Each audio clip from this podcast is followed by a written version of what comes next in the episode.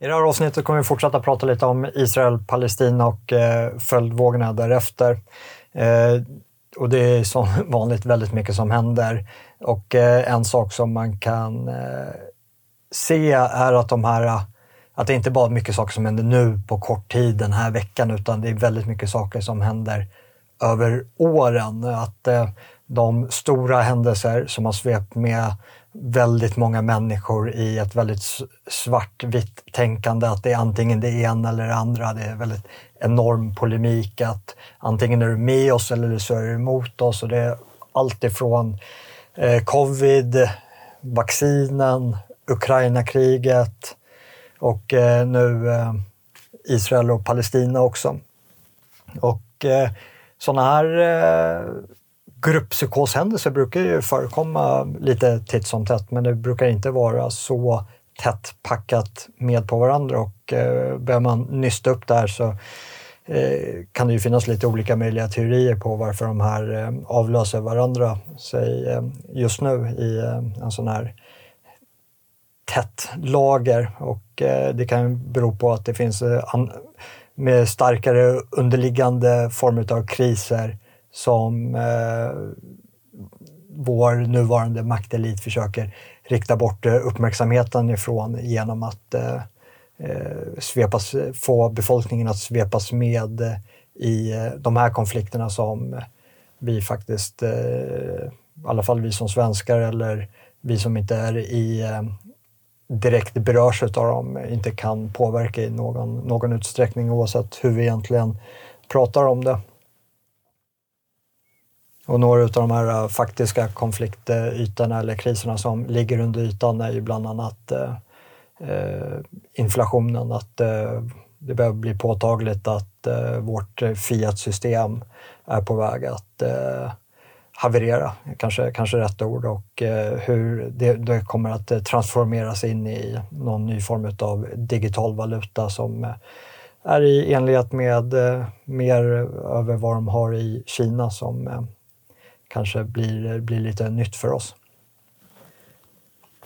Men eh, innan eh, vi fortsätter in på dagens ämne så vill jag bara tacka er som är med och stöttar eh, på jonasnilsson.substack.com med en betalande prenumeration och för er som ännu inte gör det och känner att ni har en behållning utav det som produceras så bli gärna en betalande prenumerant. Det är det som möjliggör allt arbete.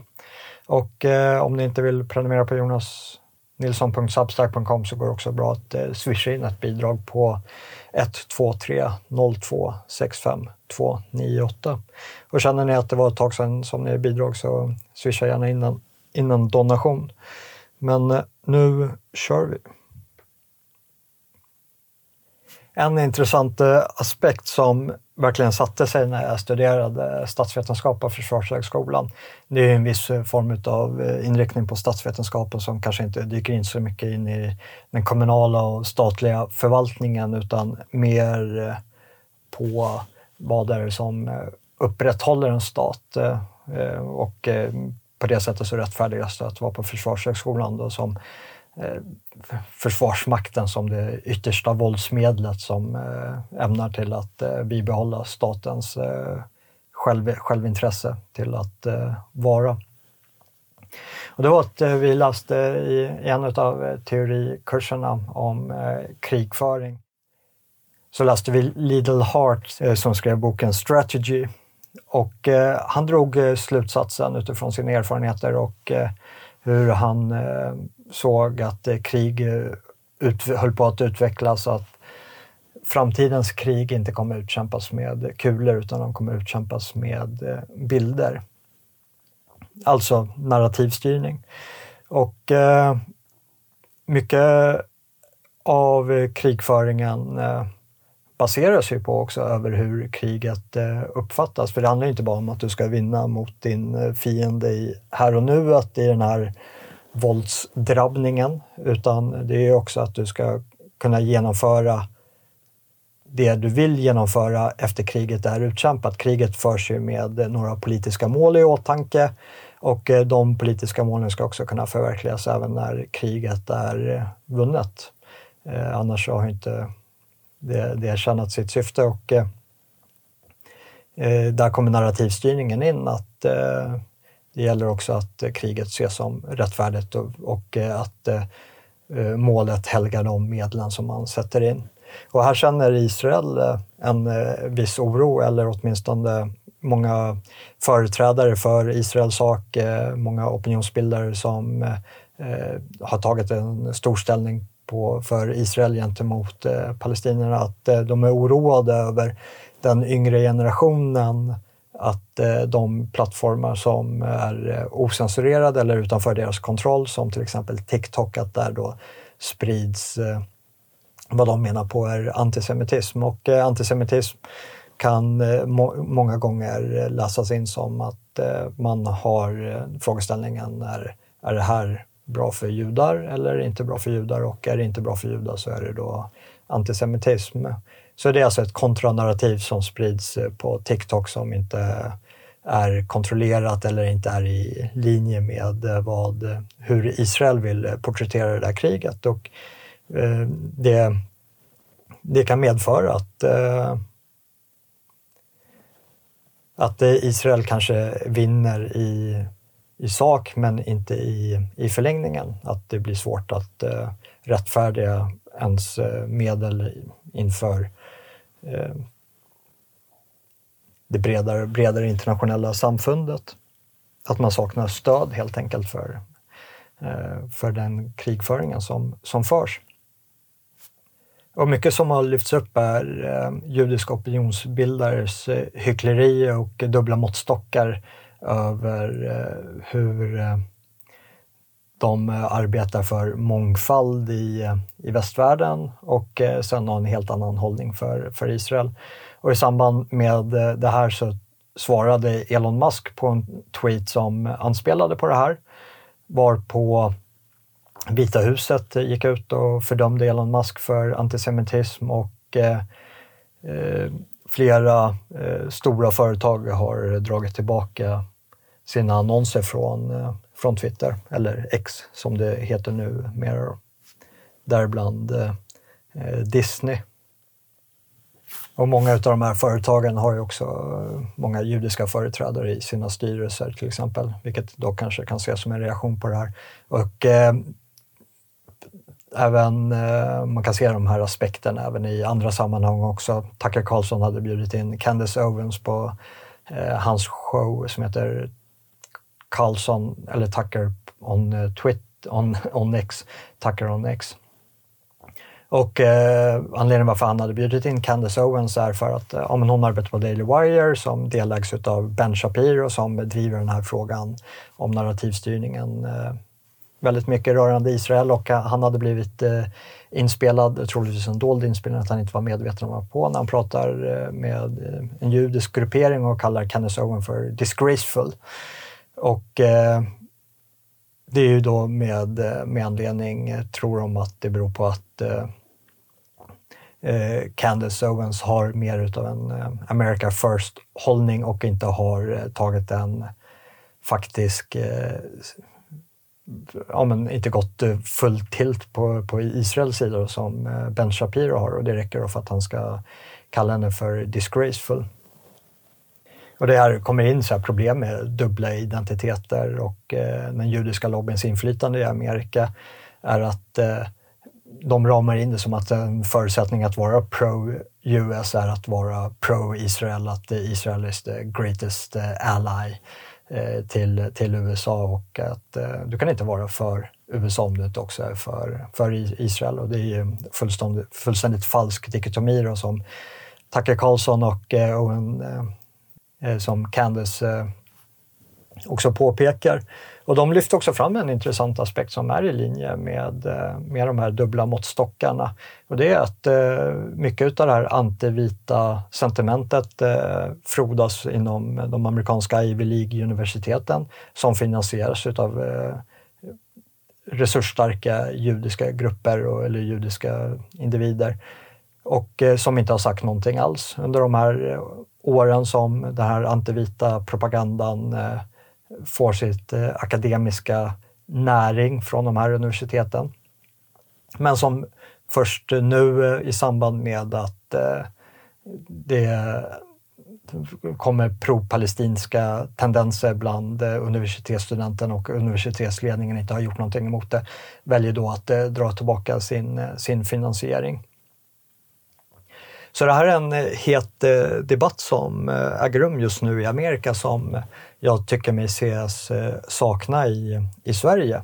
Att i det amerikanska oppositionsklimatet så har man ett läger som är väldigt tydligt att ja, men, vi är pro USA, America first och för en utgångspunkt av diskussionen där. Så det blir nästan som ett en tredje väg till skillnad från den här dikotomin som jag upplever i, i Sverige när man kollar på de svenska opinionsbildarna, i alla fall de som rör sig inom etablissemangssfären, att det är väldigt tydliga ställningstaganden för Israel eller för Palestina, men det är ingen som går in och säger ett tydligt ställningstagande för Sverige. Hur påverkar den här konflikten Sverige?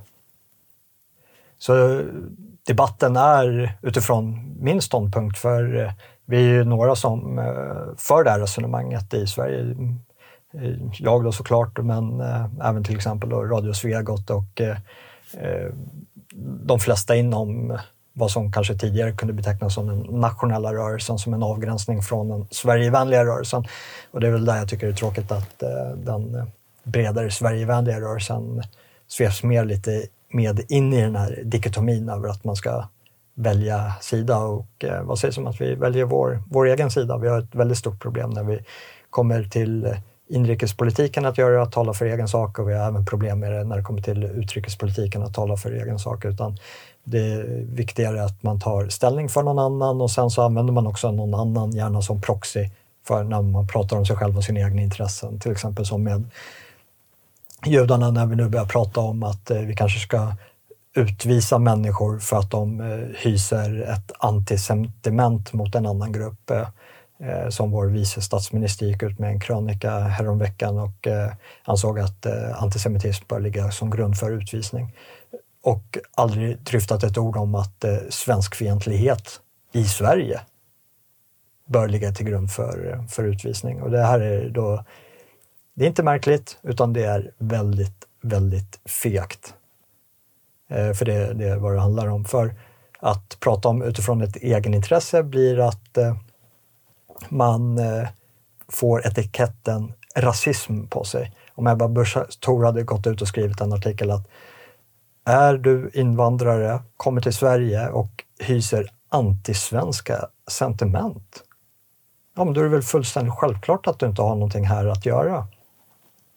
Och då skulle eh, det bli stora artiklar om att eh, om 30-talet eller att eh, hon skulle borde kunna lämna KD och gå med i eh, det nazistpartiet Sverigedemokraterna eller hur medieetablissemanget skulle välja att rama in det. Och en stor del av anledningen att vi har den här definitionen av rasism beror på eh, organisationer som ADL, Anti-Defamation League, alltså den här judiska lobbygruppen, påver eller lobbygruppen påverkansgruppen. Eh, en väldigt aggressiv påverkansgrupp eh, som eh, har sitt eh, fäste i USA men vars eh, tentaklar sträcker sig in i hela Europa. Och vår, våra antisvenska organisationer i Sverige hämtar mycket näring och eh, hänvisar mycket till ADL till exempel som, som Expo.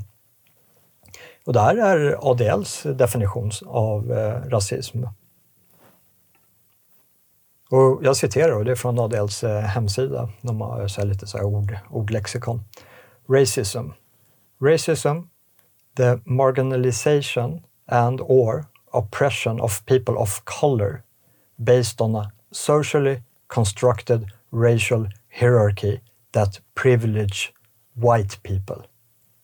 Alltså deras definition av rasism är ju rasistisk mot eh, vita människor. Det är färgade som drabbas och eh, anledningen att de drabbas är för att eh, det gynnar vita och det är deras definition av rasism. Och det är också den definitionen som har fått ett fäste i vårt eh, kollektiva undermedvetande som gör att vi förtrycker bort och skjuter bort vår, vårt egenintresse i rädsla av att fall vi yttrar dem, ja, men då ger vi en yttring till den här eh, vad ADL då kallar för a socially construct racial hierarchy that will privilege white people. Det är ju per definition, enligt deras definition, rasistiskt om vi skulle prata i egen sak. Ligger det här i svenskens intresse? Eller ligger det inte i svenskens intresse? Och agerar vi på det, ja men då är det per definition eh, rasism.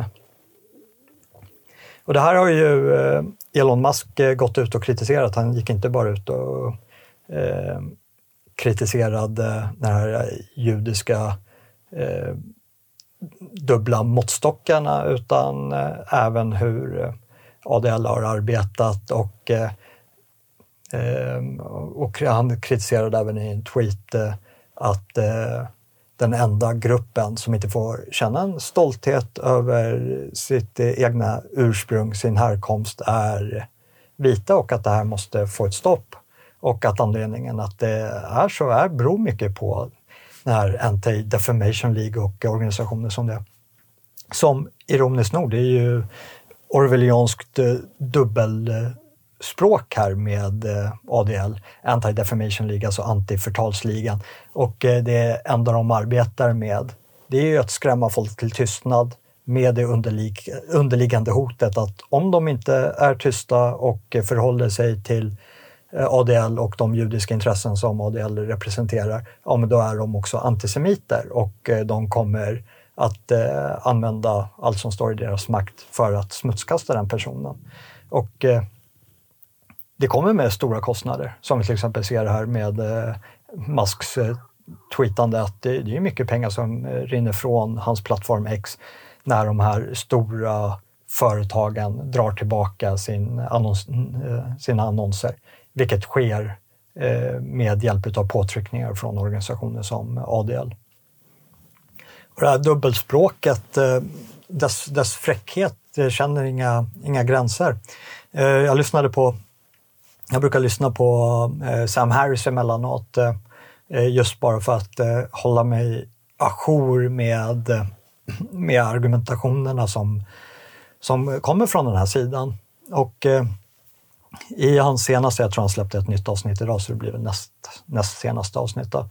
Så har han eh, ett poddavsnitt om kriget i Israel. Eh, det är nummer 340 i ordningen och heter The Bright Line Between Good and Evil.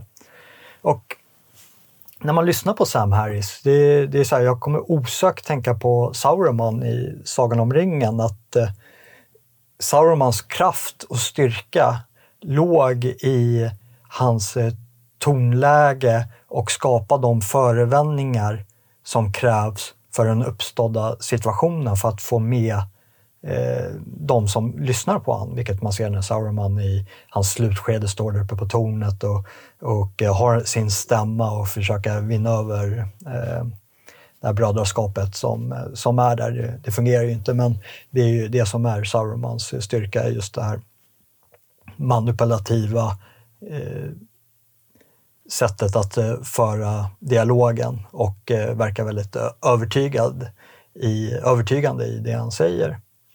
Och så, eh, Sam Harris påminner väldigt mycket om honom tycker jag.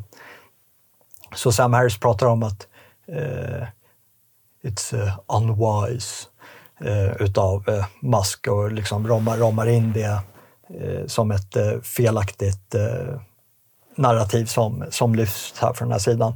Och, men det som var intressant i det här poddavsnittet var att han ägnar en väldigt stor tid åt begreppet islamofobi, som han menar är just ett manipulativt vapen för att styra samtalet och styra narrativet.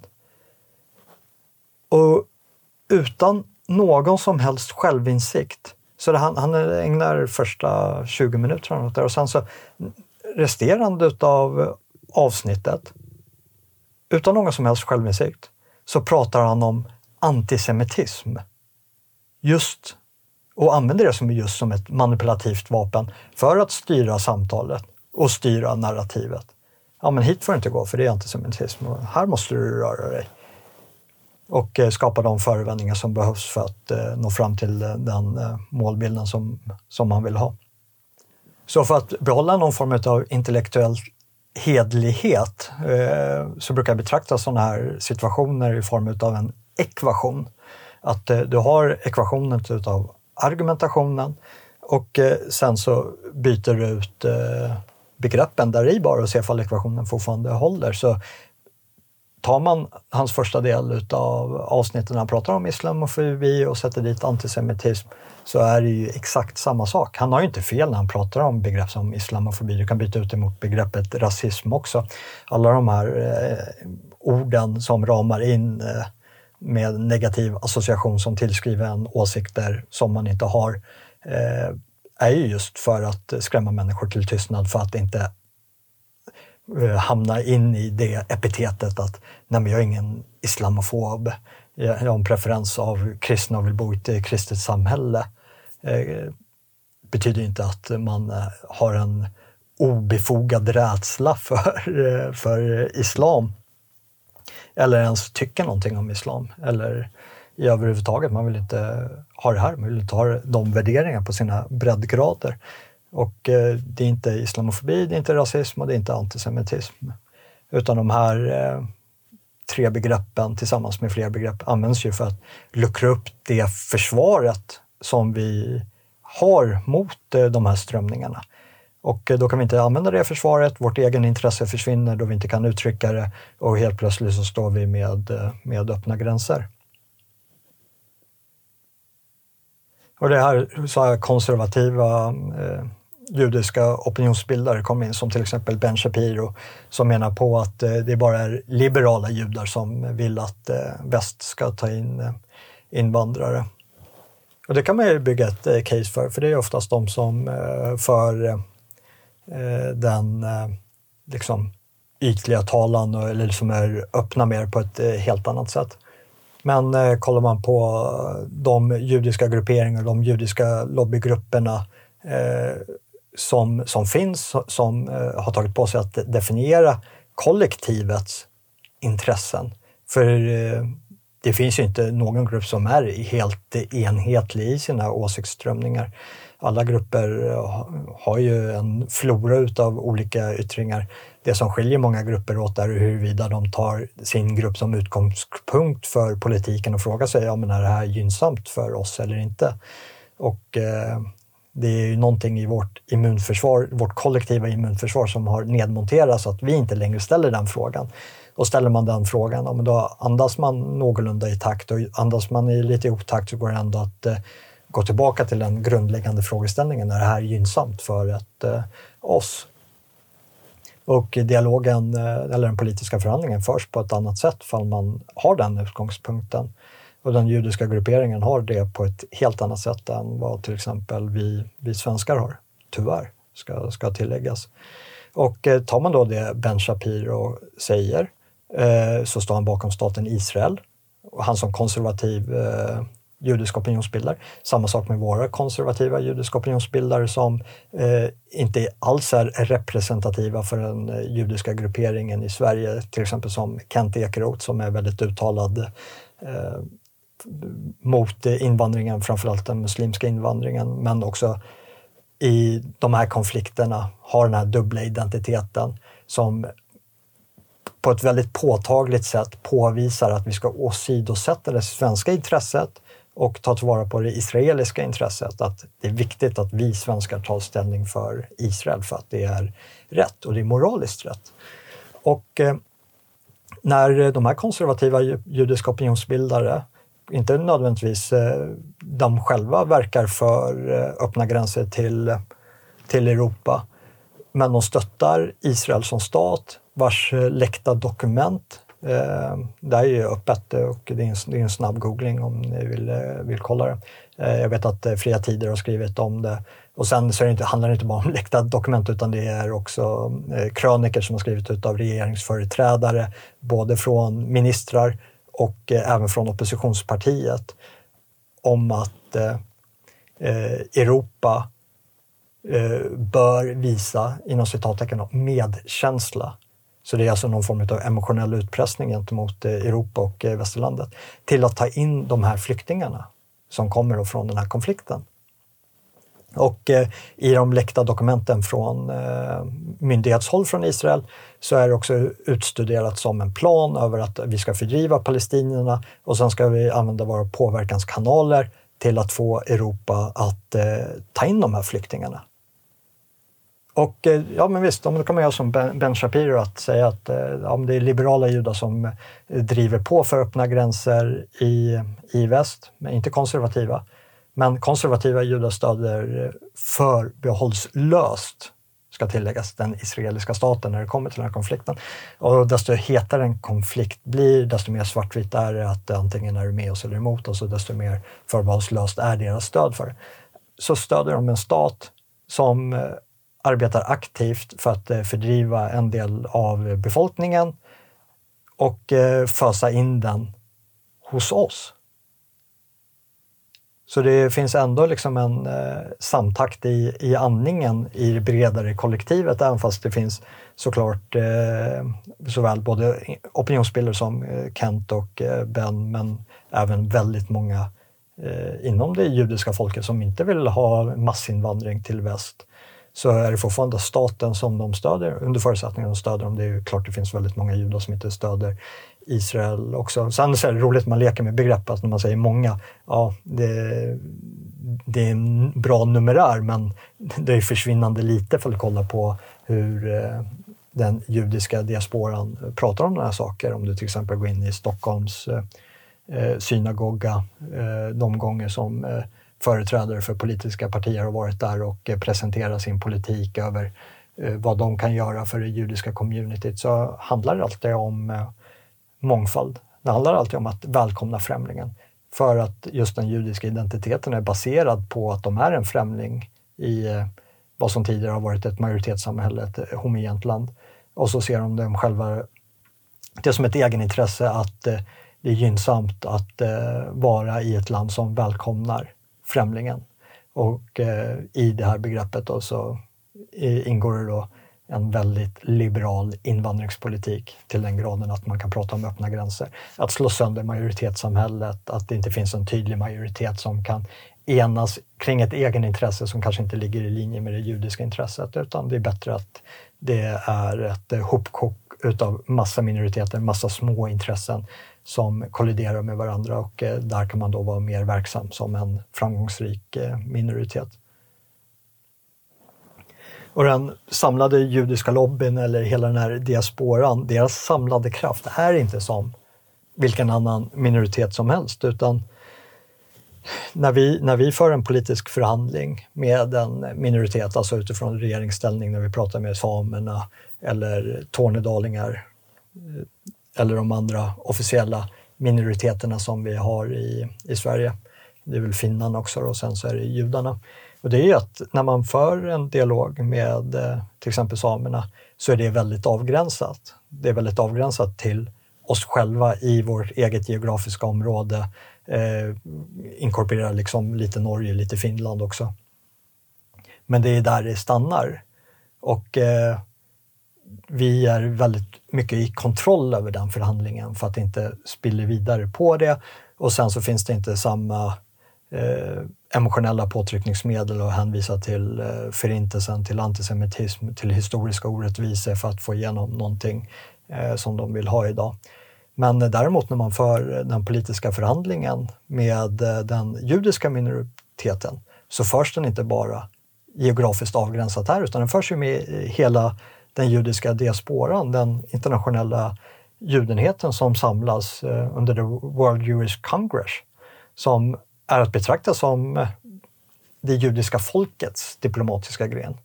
Så det är som att eh, de har ett helt UD för deras folk som gör att judarna kan verka inom flera led där olika ingångar kan ta sig beaktande beroende på vem det är som ska påverkas och hur den eh, eh, personen eller staten eller organisationen ska påverkas.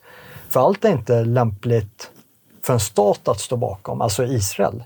De, de har ju redan en UD och en diplomatisk gren med Israel, men så har de också den här fristående NGOn som eh, är att betrakta som det judiska folkets diplomatiska gren. Och det är inte mina ord, utan det är deras egna ord. Och eh, de här har ett enormt eh, inflytande i den politiska förhandlingen. Så när man har med eh, eh, den judiska världskongressen att göra så har man egentligen med en vi, vi propagandakrig och styra narrativet i olika stater. Man brukar prata om eh, främmande stats påverkansoperation. Eh, lite ungefär hur eh, all kritik mot eh, Ukraina-kriget ramas in eh, eh, som rysk eh, påverkansoperation gentemot väst. Och eh, då är det tacksamt för Israel och eh, för det judiska folket att ha en sån organisation som har samma tyngd som en stats UD, men som inte tillhör en stat. Vilket gör att de kan agera på helt andra sätt än eh, vad eh, till exempel Israels faktiska UD skulle kunna göra. Och sen eh, på det här och parallellt med det här så har du ju också eh, de här framgångsrika judiska lobbygrupperna som APAC och även ADL. Och då ska man komma ihåg att många av de här statliga påverkansoperationerna sker faktiskt genom proxies, som olika former av NGOs. Och eh, i Israels fall så handlar det inte nödvändigtvis om staten Israel utan det handlar om etnocentrismen, alltså om eh, eh, judarna att vara. Och en av alla dessa påverkansoperationer, som alla de här samlande olika former av lobbygrupper eller intresseorganisationer för den judiska minoriteten, har varit en påverkansoperation för införandet och bevarandet och utbyggandet av mångkulturen och nedmonterandet utav eh, vita homogena majoritetssamhällen. För att de har definierat att det här är det som ligger i det judiska intresset. Och det här är inte definierat utav mig, utan det här är judiska intressegrupper som eh, säger det själva. Och det här är lite intressant, för kollar man på deras egna medier och eh, hur de pratar själva så är det ingen skillnad mellan vad de säger och någon som granskar dem kan säga exakt samma sak, utan det är bara inramningen som är annorlunda. Att det är, när judarna själva säger det så är det snarare att eh, eller om man vill belysa hur bra det är med mångfald så tar de den rosen gärna, men kommer man och kritiserar dem då är det inte längre ros utan då är det antisemitism.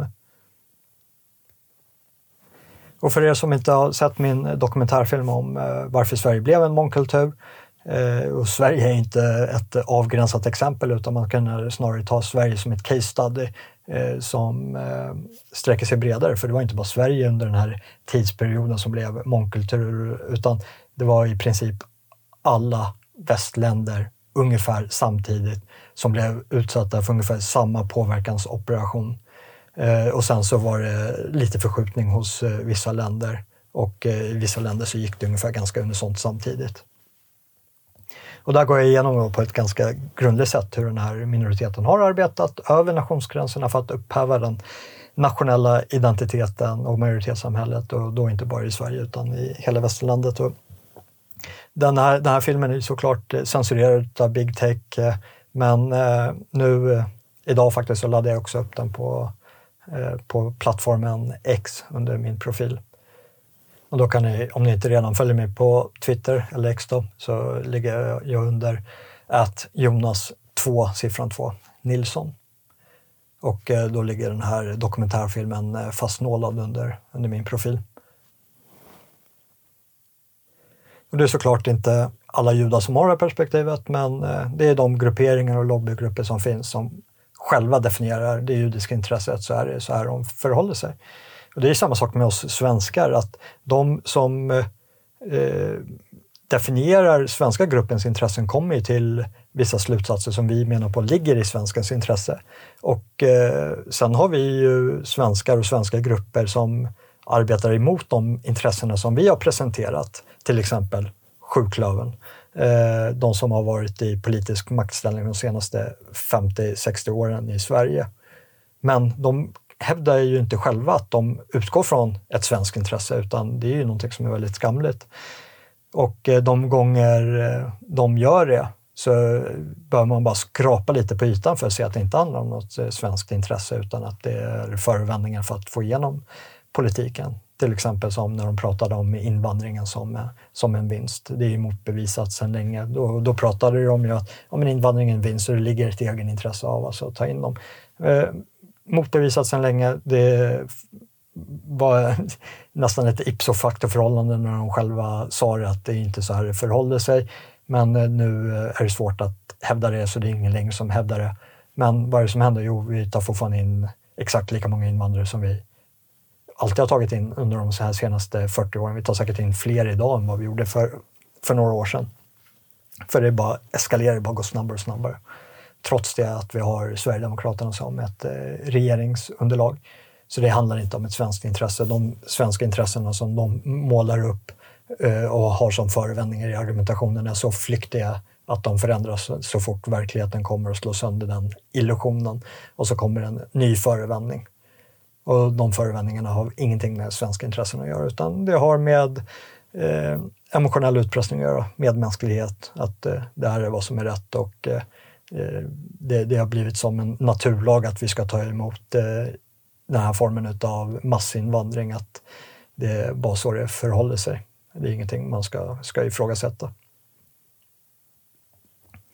Och det är vad, ja, vad jag tycker ni ska ta med er av den här podden, att det, det finns en enorm fräckhet eh, hos Israel och eh, den judiska diasporan som har de här lobbygrupperna som ADL, APAC, att de verkar för ett öppet samhälle i väst. För att enligt dem själva så är det gynnsamt för de som judar att eh, Sverige ska ha öppna gränser, att eh, väst ska ha öppna gränser. Och de verkar också samtidigt för en egen judisk stat med Israel som ska stå under helt andra principer än eh, de principer som eh, de försöker pådyvla oss. Och eh, med eh, de orden så lämnar jag det här avsnittet och eh, så hörs vi till eh, nästa vecka. Och eh, då kommer jag vara i Svenskarnas hus den 25 november. De, det fria, Föreningen Det fria Sverige har ett sexårsfirande och i samband med den här festligheten så lanserar jag också min nya bok South Africa in the Wild som är en coffee table book om eh, min tid i en eh, antitjuvskyddsenhet i Krygerparken. Och, eh, så missa inte det, det finns eh, mer information om eh, det eventet i poddbeskrivningen här under. Så jag hoppas få se så många av er som möjligt i Älgarås den 25 november. Och för er andra så hörs vi här över eten nästa vecka.